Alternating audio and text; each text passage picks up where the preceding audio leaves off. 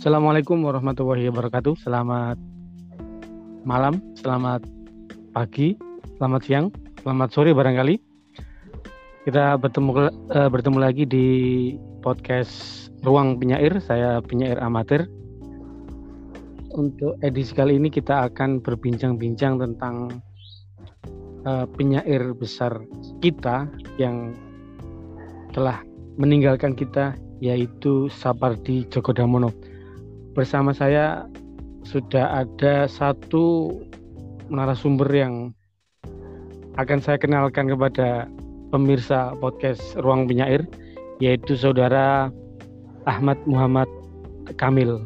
Sekilas tentang uh, narasumber saya ini atau tamu kita pada hari ini, dia lahir di Gresik, tinggal di Surabaya, domisili di Sidoarjo. Wah, berputar-putar ya.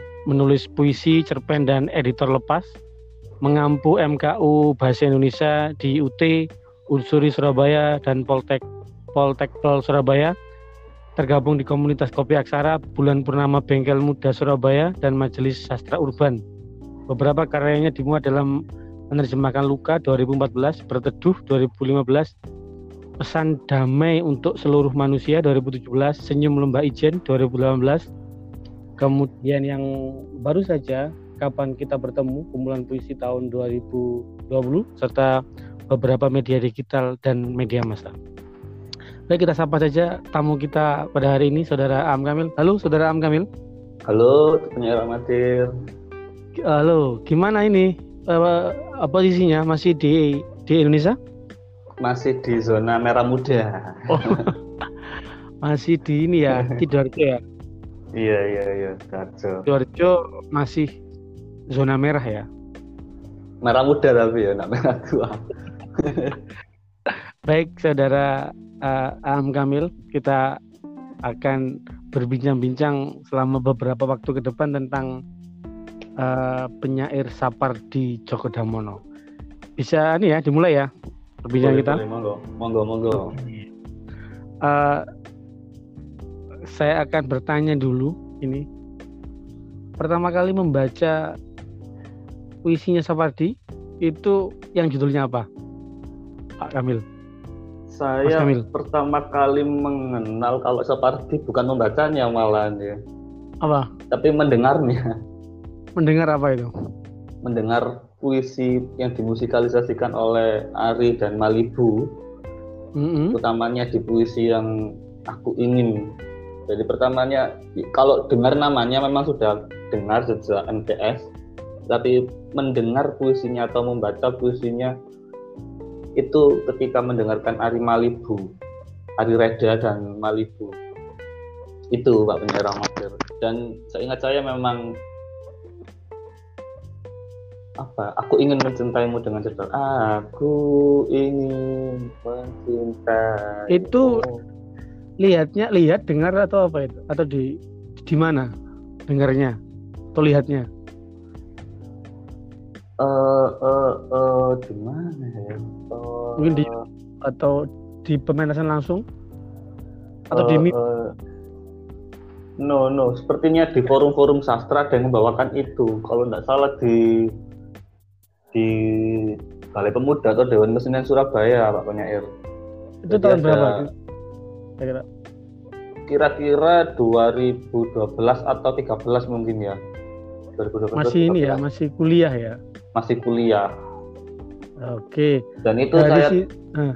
nah itu ketika kan dimusikalisasikan oleh kelompok musikal di Balai Pemuda, itu saya belum tahu kalau yang nyanyikan itu Ari Reda. Hmm. Tahunnya itu ketika 2014 atau 15 ketika Sujiwo Tejo ngisi acara di kampus di situ dia bilang anak sastra nggak kenal Ari Reda ya.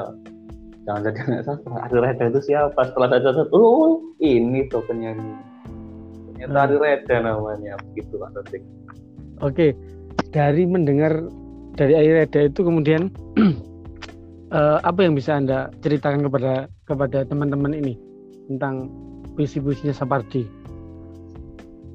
Oh iya, ini ini buku saya ternyata ada tanggal pembeliannya Pak Penyair. Buku saya yang hujan bulan Juni ini tanggal 7 bulan 11 2015 yo. Jadi mendengarnya memang 2012-13 tapi membeli iya. bukunya yeah. 2015. Gimana belinya? Ini ada di harga 65 68 ribu diskon 15 ribu. Agama sih. Sepertinya itu agama sepertinya. Oke. Okay. Coba di diceritakan lah gimana puisi-puisinya Sapardi yang pertama kali Anda dengar via musikalisasi puisi kemudian Anda akhirnya beli bukunya yang hujan bulan Juni? No, saya saya membeli buku ini bukan hanya karena jatuh hati pada satu puisi itu. Tapi begini Pak Pak penyair, ada fenomena menarik mengenai puisi-puisi seperti uh, yang terutama. Uh, maaf maaf mas, bentar. Uh, bisa tidak mem memanggil Pak penyair ya, karena saya menjadi semakin muda kalau dipanggil Pak. Oh, terus dipanggil apa? Biasa aja penyair amatir itu. Oh iya iya. Oke. Okay, baik siap. baik. Kemudian yang menjadi kesalahpahaman orang pemula pada umumnya adalah termasuk saya pada puisi aku ingin mencintaimu dengan sederhana. Kesalahpahaman apa? Kesalahpahaman yakni dulunya saya menganggap puisi ini itu puisi jatuh cinta. Aku ingin mencintaimu dengan sederhana dengan kata yang tak tersampaikan oleh awan kepada mendung yang menjadikannya tiada. Itu menurut saya dulunya dugaan saya itu puisi jatuh cinta. Dan beberapa kawan mengamini, tetapi kemudian lambat laun dibaca lagi, dibaca lagi, dibaca lagi, kemudian muncul tafsiran baru dalam forum-forum diskusi sastra. Ternyata itu bukan puisi jatuh cinta, melainkan puisi patah hati atau kasih tak sampai. Waduh, kemudian dari situ saya langsung mencari-cari. Saya sudah terlanjur suka dengan lagu Aku Ingin. Saya perdengarkan lagi Ari Reda ternyata ada lagi lagu yang buat saya terpikat yaitu pada suatu hari nanti. Itu juga dinyanyikan oleh Reda. Pada suatu hari nanti saya saat katakan itu juga dinyanyikan oleh Reda. Dan dari dua dari dari dua lagu itu kemudian saya saya mulai membaca-baca mencari-cari puisi-puisi Sapardi yang terserak di media internet atau di perpustakaan. Dan mulanya memang saya ilfil dengan puisi-puisi Sapardi ilfil karena Kenapa? ini ini puisi kok kok cuman gini kok sederhana sekali. Karena di masa itu saya menulis puisi itu puisi yang benar-benar eksperimental 2013 mulai 2013 saya menulis puisi-puisi yang eksperimental kemudian saya membaca Pasapardi loh ini puisi kok sederhana sekali? Ini puisi sudah, sudah seharusnya sudah tidak zamannya tapi kenapa masih dinyanyikan dan Oke, diperdengarkan dan kalau, dibaca banyak orang uh, maaf kalau mencari di internet itu uh, banyak ya. Kalau kita ketikkan Sapardi atau puisi Sapardi di internet itu itu kira-kira ada banyak ya? Kalau banyak tidak tapi kalau ada oh. iya. Kalau ada iya tapi kalau banyak menurut saya belum karena internet banyak. Memperoleh input data itu mulai 2015-an 2015-16 itu banyak sekali data yang masuk ke internet. Jadi kalau puisi sekiranya 2014-13 belum banyak yang masuk atau Pak penyair gitu. Nah, dari kesederhanaan tadi saya mulai terusik ini apa yang membuatnya menjadi boom, membuatnya menjadi avant-garde atau legend. Setelah saya baca-baca lagi, oh ternyata iya betul. Justru karena sederhananya itu yang menjadikannya legend. Bukan yang aneh-aneh, bukan yang eksperimental bentuknya, bukan yang ekspresionis kebahasaannya atau tema-tema yang diusungnya, ternyata kesederhanaan pemilihan diksi, tema, cara menyampaikan artikulasi, artikulasinya, imajinasinya juga tidak berlebih-lebihan. Justru karena sederhana itu yang menjadikan uh, almarhum atau beliau menjadi legend. Begitu penyair amatir. Uh, kemudian uh, ada yang mengatakan bahwa karena terlalu sederhana maka apa itu puisi apa itu gitu. Ada banyak kritikan juga yang terhadap puisi-puisi. Selain juga banyak pemujanya juga kritikan. Nah sekarang uh, apa pandangan dari Mas Kamil ini terhadap mereka yang mengkritik ah itu puisi hanya permainan saja itu puisi macam apa itu dijadikan puisi legend itu coba? Kamu mungkin apa pandangannya iya, iya, iya betul betul. Jadi ini puisi sederhana bukan karena bukan karena Pak Sapardi atau penyair di puisi ini itu orang yang orang yang gimana ya? Begini menurut saya Pak Sapardi itu sudah berhasil menaklukkan kata beserta makna.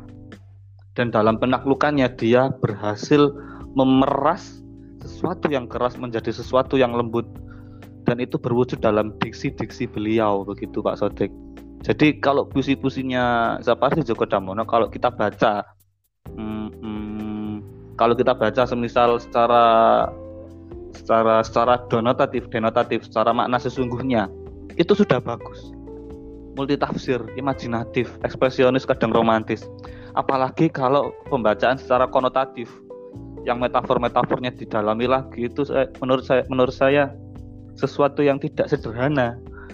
Bahkan banyak penyair yang ingin memadukan imajinasi dengan semisal romantisme itu sering kali gagal atau memadukan realitas sosial dengan cara-cara sederhana terkadang juga gagal. Tapi Pak Sapardi dalam ini menurut saya berhasil menaklukkan kata-kata atau diksi yang keras menjadi lembut begitu.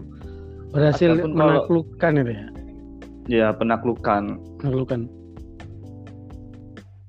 Jadi kalau ada yang bilang, ya itu puisi apa puisi yang sederhana, saya saya saya sih mafhum karena setiap pembaca memiliki passion atau memiliki minat baca yang unik. Ada yang suka baca yang keras, ada yang suka yang baca lembut, ada yang suka baca naik turun. Menurut saya itu masalah minat, tetapi ah, pertanyaannya adalah apakah puisi ini menjadi warna tersendiri dalam jagat sastra Indonesia? Jawaban saya iya. Gitu. Oke, kemudian uh, dari penyair-penyair besar lainnya atau sesudah Sapardi itu kira-kira ada nggak yang uh, yang yang berangkatnya dari uh, estetika Sapardi? Jadi penyair-penyair muda setelah itu ada nggak kira-kira? Oh ini kalau dilacak ini awalnya Sapardi banget ini. Ada nggak kira-kira? Uh, itu itu menjadi uh, uh, uh, uh, saya saya kesulitan untuk melacak itu karena begini penyair amatir. Kalau saya terakhir saya mengedit itu puisi-puisinya anak SMA satu SMA negeri di Surabaya. Ada satu kumpulan puisi satu angkatan menciptakan satu puisi untuk dibukukan. Kemudian saya yeah. diminta untuk mengedit buku itu. Yang saya tangkap dari pengeditan itu adalah oh ini kok simpel sekali. Ada yang berbicara tentang cinta, ada yang berbicara tentang imajinasi, ada yang berbicara tentang masa depan, ada yang berbicara tentang masa lalu. Ini puisi yang sederhana.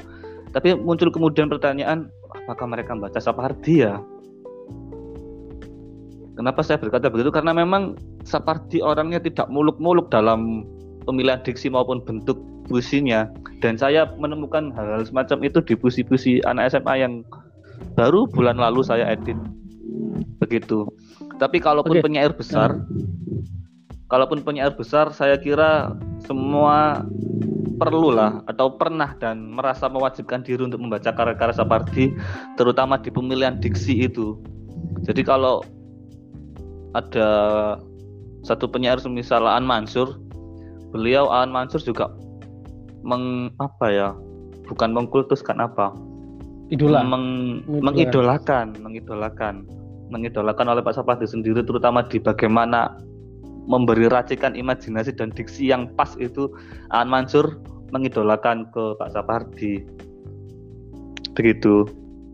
Kalau dari kedekatan secara persona An Mansur dekat dengan Sapardi, begitu oh, juga iya. dengan Joko Pinurbo. Hmm. Uh, gimana? Yeah, yeah. Joko ini ketika dikaitkan dengan estetikanya Sapardi? Nah, kalau Jokpin diksi-diksinya kemudian tema yang diusung juga 11-12 dengan Pak Sapardi hanya saja, hanya saja artikulasi atau penyampaian atau apa ya uh, cara menyampaikan gagasan Joko Pinurbo juga tidak bisa disamakan dengan Capardi. Oh, iya. uh, kalau Jokpin kan menyampaikan gagasan dengan cara-cara sedikit menggelitik, tidak demikian dengan Capardi. Meskipun Capardi kadang menggelitik dengan guyonan yang tidak sampai begitu. Tetapi mungkin ruhnya Sapardi um, bisa jadi ada di mereka gitu ya, karena kan dekat sekali orang-orang yang mm -hmm. pasti. Ya. Mm -hmm. uh, betul betul. Uh, kemudian kalau di buku yang berapa? Enam puluh ribu ya? Enam puluh delapan ribu. Enam puluh delapan ribu. Diskon pula. diskon pula saat itu ya itu ya mahal juga dari belas. Mahal itu, tapi ini yang nggak cover kok. Saya kira Ini oh, ya, termasuk murah untuk sesuatu yang legend. Oke, okay. uh, eh, apa satu judul puisi yang tidak bisa anda tidak ingat itu di, di buku itu? Yang tidak bisa ingat? Yang tidak bisa tidak diingat. Yang ya itu tadi yang aku ingin mencintaimu dengan sederhana itu itu ada itu di halaman berapa itu? Aku ingin nomor 92 halaman 105. Uh, Oke. Okay. Halo? Oh, halaman, ketemu? halaman 105. Iya, halaman 105. Bisa dibacakan? Boleh. Supaya kan soalnya puisi ini puisi populer dan dan berserakan mm -hmm. di internet kan. Nah, karena iya, iya, karena iya. karena berserakan di internet biasanya bahaya. Karena biasanya ada yang salah tulis, salah uh, uh, uh, uh, uh, atau salah diksi. Oke, silakan. Silakan, Sam Kamil. Oke, okay, Sam okay. Kamil. Baik. Seperti Joko Tamono. Dalam puisi berjudul Aku ingin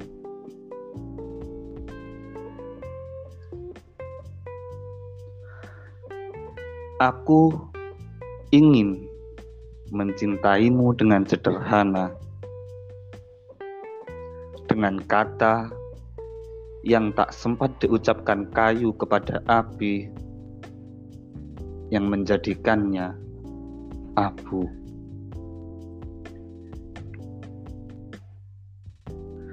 Aku ingin mencintaimu dengan sederhana. Dengan isyarat yang tak sempat disampaikan awan kepada hujan yang menjadikannya tiada. 1989 1989 ya? Ya 1989 itu jika dibaca saat ini masih fresh gitu ya? Masih fresh karena memang temanya universal kemudian diksinya tidak aneh-aneh pesannya juga tidak aneh-aneh dan untuk membuat semacam itu bukan sesuatu yang mudah. Begitu. Baik baik kemudian uh, Sapardi ini seberapa besar pengaruh bagi kepenyairan seorang Aam Kamil? Ya itu uh, sempat saya singgung di awal kalau awal-awal kepenyairan saya saya menulis puisi sejak MTS berarti tahun 2007 oh ya 2007 2008 kemudian di masa-masa itu sampai tahun 2014 saya menulis puisi-puisi yang ekspresionis. Karena bacaan-bacaan saya semacam Rendra, MH, kemudian yang lembut pun itu adalah Gusmus. Dan di tahun ketika saya mendengarkan Ari Reda, saya menemukan sesuatu yang baru. Jadi kan kadang kita memiliki titik jenuh. Kok ngene-ngene terus kok begini-begini amat? Ya apa nggak ada opsi lain. Jadi saya sudah habis pada yang namanya eksplorasi atau ekspresi atau apa namanya eksperimental. Kemudian saya menemukan Capardi oh ini keren. Diksinya tidak aneh-aneh tetapi mengena. Kemudian pesan yang ingin disampaikan itu sampai kalau kita membacanya dengan tenang ya. Kalau membacanya dengan tergubuh-gubuh atau lari-lari, saya kira tidak akan sampai pesan itu. Tapi kalau membacanya dengan tenang, menurut saya semua orang akan men menerima pesan yang ingin disampaikan oleh Pak Sapardi. Begitu. Jadi oh, semenjak okay. saat itu, uh. semenjak saat itu saya sedang mengalihkan diri ke tema-tema yang lebih lembut tema-tema puisi saya lebih lembut. Kemudian pada tahun itu juga saya membaca Laila, Laila, eh, Laila Majnun terjemahannya Nizar, Nizar Kabani atau siapa terbitan Kompas. Jadi pas dari tema-tema sufistik saya ketemu dengan diksi-diksi sederhananya Pak Sapardi. Begitu penyiar amatir. Uh, baik, di menarik ya. Jadi uh, setiap mm -hmm. setiap penyair di negeri ini saya pikir uh, pasti membaca dia terlepas dia suka atau tidak iya, suka. Itu. Iya iya. Uh, uh. Uh, kemudian untuk untuk buku yang hujan bulan Juni itu ada pengantarnya mungkin yang mm, mm, mm, beli. Mm, mm, mm. Untuk pengantar catatan penulis saja. Oh ada dari Sapardi sendiri. Iya dari Sapardi sendiri. Itu panjang tidak kira-kira? Uh, satu setengah halaman. Perlu saya bacakan? Mungkin dibacakan di awal-awal? Boleh, boleh, boleh. Atau semuanya nggak apa-apa kalau memang satu setengah halaman ya? Gak apa-apa, saya bacakan. Hanya yeah, tiga yeah. paragraf. Oh, dua okay, paragraf. Siap. siap. Uh, ini yang saya miliki adalah cetakan kedua Oktober 2013. Catatan penulis. Hujan bulan Juni pertama kali diterbitkan oleh Grasindo tahun 1994 berisi sepilihan sajak yang saya tulis tahun 1964 sampai 1994. Sajak-sajak itu berasal dari beberapa buku puisi, yakni Dukamu Abadi tahun 1969, Mata Pisau 1974, Aquarium 1974, dan Perahu Kertas 1984. Di samping itu, ada sejumlah sajak yang belum pernah dimuat dalam buku puisi saya sebelumnya. Hujan bulan Juni sempat dicetak ulang beberapa kali, dan setiap kali cetak ulang ada sedikit perubahan yang berupa koreksi, penambahan, atau pengurangan sajak. Buku ini pun mengalami perubahan, terutama menyangkut jumlah dan waktu penulisannya beberapa sajak yang ditulis sejak tahun 1959 ditambahkan agar ada gambaran yang lebih lengkap tentang puisi yang saya tulis sampai tahun 1994. Perubahan lain pada umumnya hanya menyangkut sedikit koreksi atas salah satu atau salah cetak. Perlu saya sampaikan terima kasih kepada saudara Pamusu NSD yang mula-mula mendorong saya mengumpulkan sajak-sajak saya ini dalam sebuah antologi. Juga saya sampaikan terima kasih kepada komposer dan penulis lagu yang telah memanfaatkan puluhan sajak dalam buku ini agar bisa juga didengarkan dalam bentuk lagu, baik klasik maupun populer. Saya sebut saja beberapa nama. Umar Muslim, Agus Arya Dwi Payana, Budiman Hakim, Reda Gaudiamo, Ananda Sukarlan, Nana Tatiana, Bambang Wibawarta, Hari Malibu, Neno Warisman, Mimi, dan lain-lain. Perlu saya sampaikan juga bahwa judul buku ini, Hujan Bulan Suni, saya pilih berdasarkan judul kaset rekaman pertama musikalisasi puisi saya yang diusahakan oleh sebagian besar nama yang saya sebut sebelumnya yang banyak di antaranya waktu itu masih menjadi mahasiswa di Fakultas Sastra Universitas Indonesia, tempat saya mengajar. Usaha mereka itulah yang telah membantu tersebar luasnya puisi saya, di samping menjadi bagian penting dalam perkembangan proses alih wahana, yakni musikalisasi puisi di negeri ini, seperti Joko Damono. Oke, baik. Jadi uh, mengambil dari beberapa puisi lama gitu ya kata kuncinya yeah, itu. yeah. oke jadi Sapardi sendiri menyadari ya jika puisi-puisinya telah dialih wahanakan gitu ya? Iya betul. Uh, dan dan uh, menurutnya sepertinya justru dia mengapresiasi gitu ya Hmm, sangat mengapresiasi dan kalau kalau kalau penyiar amatir mengikuti mungkin beberapa tahun lalu kita juga sempat dihebohkan dengan alih wahana karya-karyanya dirupakan menjadi film film iya. Hujan Bulan Juni. Hujan Bulan Juni ya ya. Dan itu beliau support sekali dengan film itu. Iya. Uh, untuk di di buku itu ada berapa puisi yang dimuat?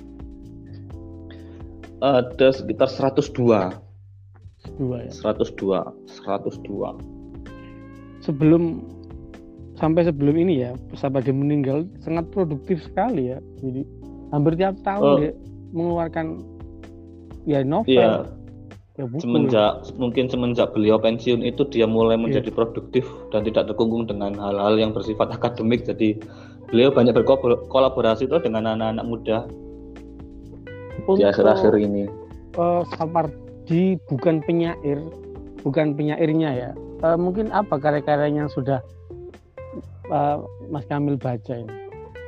Bukan puisi mungkin uh, buku-bukunya sebagai akademisi.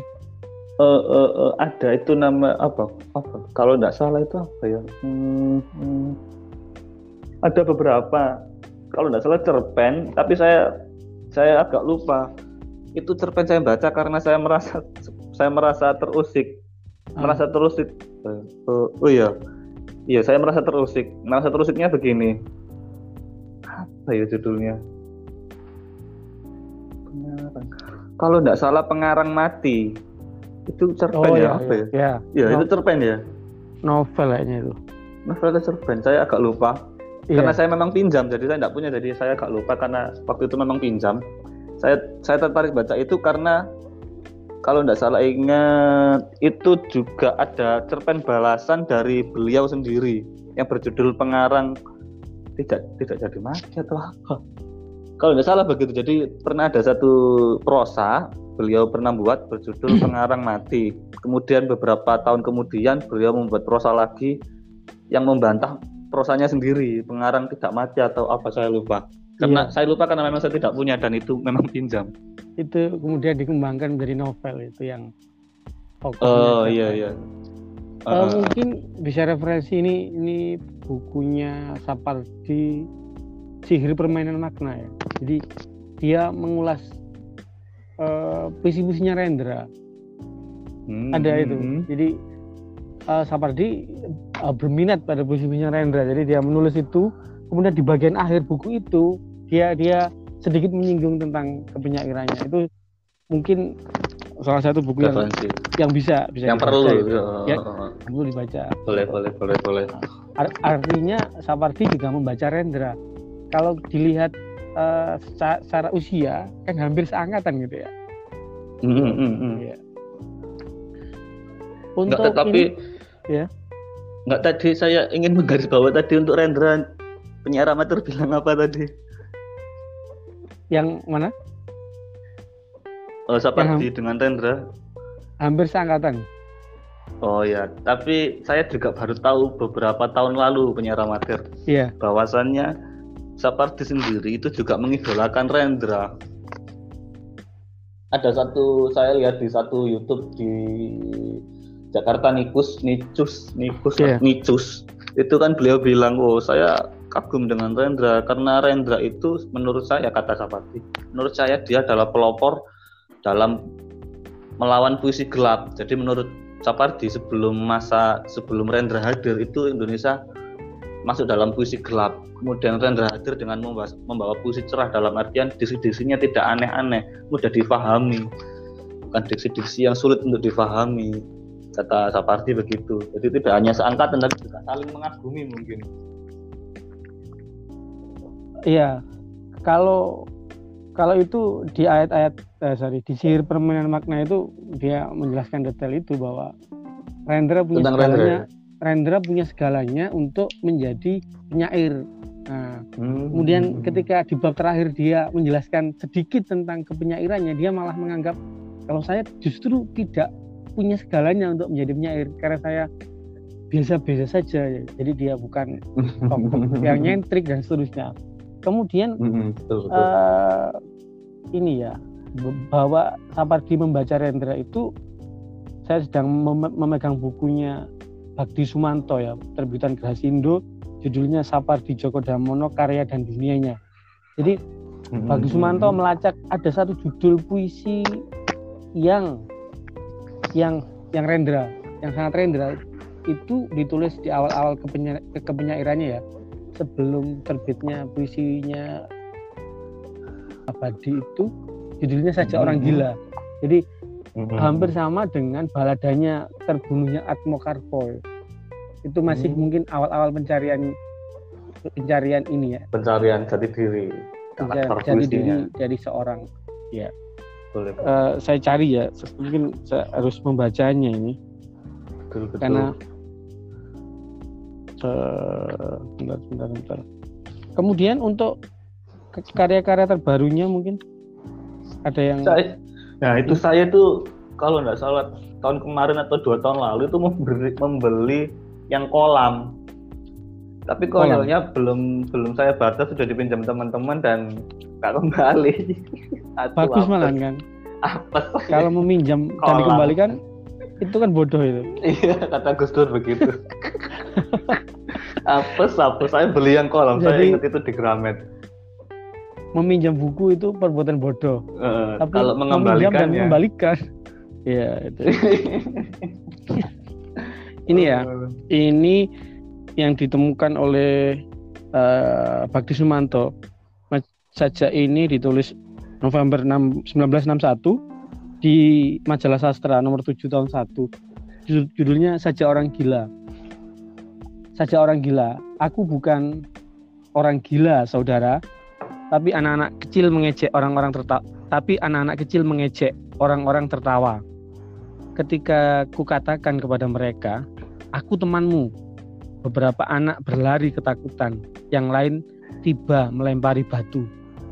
Aku menangis di bawah terem besi, di atas dahan ku dengar seekor burung bernyanyi. Anak-anak berkata, lucu benar orang gila itu. Sehari muput menangis terseduh-seduh. Orang-orang yang lewat di jalan berkata pelan, orang itu sudah jadi gila sebab terlalu berat menafsir makna dunia. Sekarang kususuri saja sepanjang jalan raya sambil bernyanyi, aku bukan orang gila. Lewat pintu atau lewat jendela, nampak orang-orang menggelengkan kepala mereka. Kasihan orang yang dulu terlampau sabar itu, roda berputar dan ia jadi begitu. Kupukul tong sampah dan tiang listrik, kunyanyikan lagu-lagu tentang lapar yang menarik. Kalau hari ini aku tak makan lagi, jadi genap sudah berpuasa dalam tiga hari. Tapi pasar sudah sepi, sayang sekali. Tak ada lagi yang memberikan nasi. Ke mana aku mesti pergi? Ke mana lagi? Orang itu sudah lama gila, kata mereka. Tapi hari ini begitu pucat tampaknya. Apa kiranya yang telah terjadi padanya? Akan kukatakan pada mereka, aku tidak gila, aku orang lapar, saudara. Ku dengar Berkata seorang ibu, jangan kalian ganggu orang gila itu anakku, nanti kalian semua diburu. Orang kota semua telah mengada-ada. Aduhai, menuduhku seorang yang sudah gila.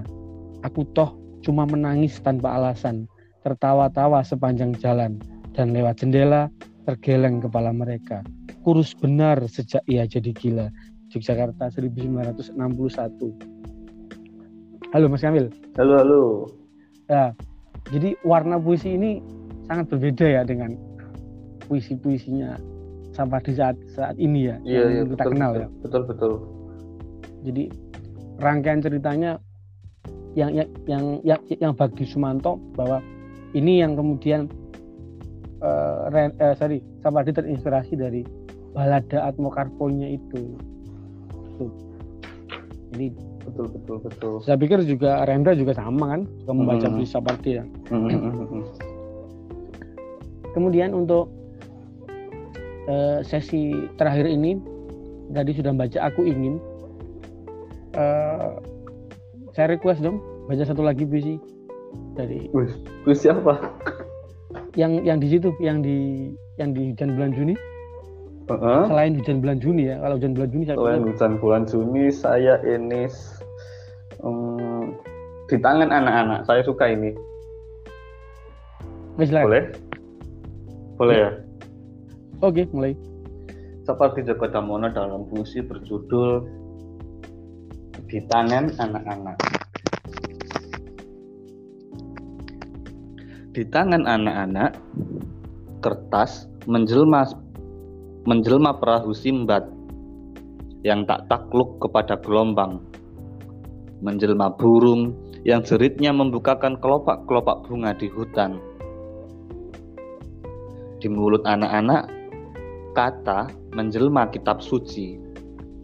Tuan, jangan kau ganggu permainanku ini. 1981. Wih, keren, keren, keren saya menurut saya suka ini saya suka ini karena yeah. banyak banyak orang yang mengatakan puisi seperti sederhana terlalu kekanak-kanakan tapi melalui puisi ini saya menjadi tahu bahwasanya anak-anak yang imajinatif itu kita selalu ingin ke sana. Nggak seperti orang dewasa yang dipenuhi dengan beban kerja dengan beban keseharian. Kan enak jadi anak-anak penuh imajinasi bahagia. Bahkan kertas bisa disulap menjadi perahu bisa disulap menjadi burung. Imajinasinya kan keren. Menurut saya ini suatu imajinasi yang pas yang dikangeni banyak hmm. orang yang keren lah pokoknya. Apa tadi? Apa tadi? Di tangan anak-anak kitab suci? Di tangan anak-anak di mulut anak-anak kata menjelma yeah. kitab suci. Jadi kan anak minta apa mesti dituruti toh. Uh. kita ingin hidup di kehidupan dewasa kan siapa yang tidak ingin seperti itu? Tidak ngoyo tidak mikir keras kemudian apa kita katakan terwujud itu kan wah keren ya. Tapi itu sudah masa lalu sudah masa kanak-kanak. Sekarang kita mari beranjak dewasa. Begitu. Uh, oke okay, mungkin yang terakhir ini peta uh, dunia perpuisian Indonesia setelah Sapardi meninggalkan kita itu seperti apa? Peta yang bagaimana ini, Mas? Karena ketika kita bicara puisi selalu selalu ada di, di kepala kita Sapardi Djoko Damono gitu kan. Hmm. Suka atau tidak suka.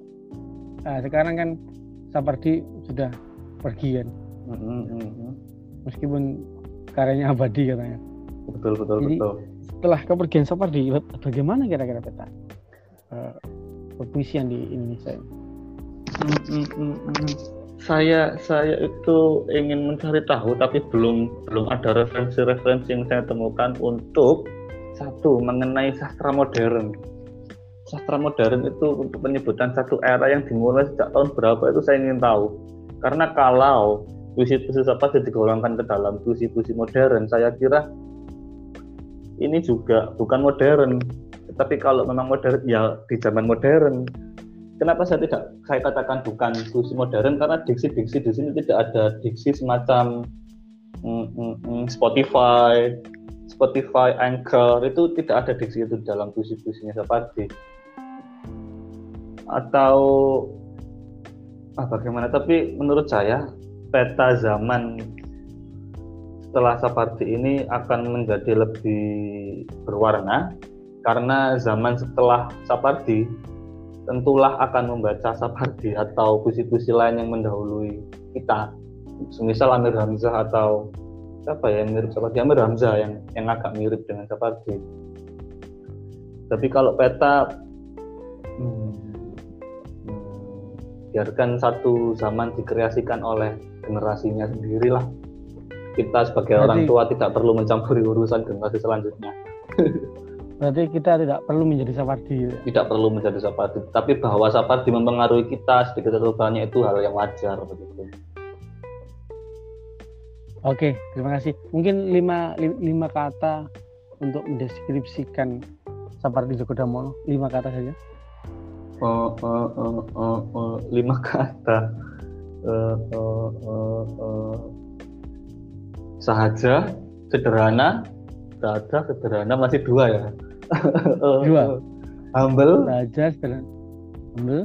Humble. Kemudian uh, uh, uh, uh, uh, Jawa. Jawa. Jawa. Jawa dalam arti banyak-banyaknya. Jawa uh, uh, uh, uh, uh, ah satu lagi. Pelukis. Tidak banyak orang tahu bahwa pesawat itu juga seorang pelukis. Pelukis ya? Iya. Diulangi dengan cepat tadi. Sederhana ya? sederhana. Sahaja, sahaja. Uh, uh, uh, humble. Humble. Kemudian uh, uh, uh, pelukis. Satu lagi tadi nomor lima. yang nomor empat. Yang nomor empat tadi Oh, apa ya? lupakan. Wah, ini bah bahaya. Oke, ya terima kasih ya, uh, Mas Kamil. Uh, 40 menit telah kita ya, berbincang berbincang-bincang tentang uh, Sapardi Djoko Damono bahwa Sapardi dapat mempengaruhi ke penyairan kita itu bukan sesuatu yang harus ditolak mentah-mentah. Uh, uh, bukan sesuatu yang kita haram. harus menjadi Sapardi, iya bahwa kita harus menjadi Sapardi ini yang kemudian mungkin berbahaya ya menurut Mas Am Kamal karena betul, betul. generasi punya cara pandang sendiri. Baik, terima kasih Mas Kamil. Uh, semoga ini ya katanya mau menerbitkan buku puisi ya itu. Ini ya betul bocoran betul. sedikit uh, bocoran nah, sedikit kapan biasa meluncur? Insya Allah Desember. Nah ini kalau katanya dengan Sapardi ini buku puisi saya nanti adalah saya punya banyak puisi dengan beberapa berbagai tema ada ada tema tentang romans tentang kritik sosial tentang sosio religius, tentang sufisme, dan buku puisi yang saya Desember nanti siapkan itu mengenai romance.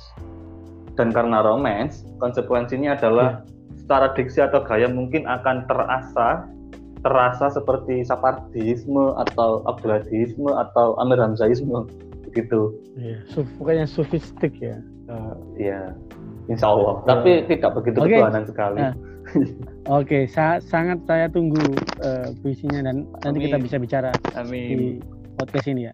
Amin. Baik, uh, terima kasih ya. Jadi sama-sama. Oke, baik para pemirsa itu tadi perbincangan saya dengan Mas Am Kamil tentang Sapardi. Saya ingin menutup uh, perjumpaan kita kali ini dengan dua puisi lama dari Sapardi Djoko Damono di bukunya Bagi Sumanto yang Sapardi Djoko Damono Karya dan Dunianya yaitu yang pertama diterbitkan di majalah basis nomor 10 Juli 1966 judulnya penyair. Penyair aku telah terbuka perlahan-lahan seperti sebuah pintu. Bagiku satu persatu aku terbuka. Bagai daun-daun pintu. Hingga akhirnya tak ada apa-apa lagi yang bernama rahasia begitu sederhana sama sekali terbuka dan engkau selalu menjumpai dirimu sendiri di sana, bersih dan telanjang tanpa asap dan tirai yang bernama rahasia. Jangan terkejut, memang dirimu sendirilah yang kau jumpa. Di pintu yang terbuka itu begitu sederhana, jangan gelisah. Itulah tak lain engkaumu sendiri. Kenyataan yang paling sederhana, tapi barangkali yang menyakitkan hati. Aku akan selalu terbuka seperti sebuah pintu lebar-lebar bagimu dan engkau pun masuk untuk mengenal dirimu sendiri di sana.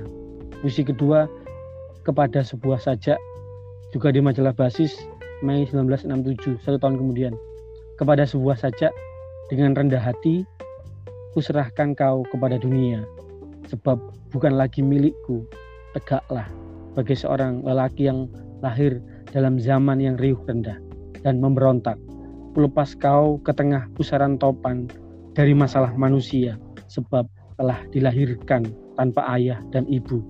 Dari jemariku yang papa, kau pun menjelma secara gaib. Wahai nurani alam, aku bukan asal usulmu. Kutolakan kepada dunia, nama baik serta nasibmu. Aku tak lagi berurusan denganmu.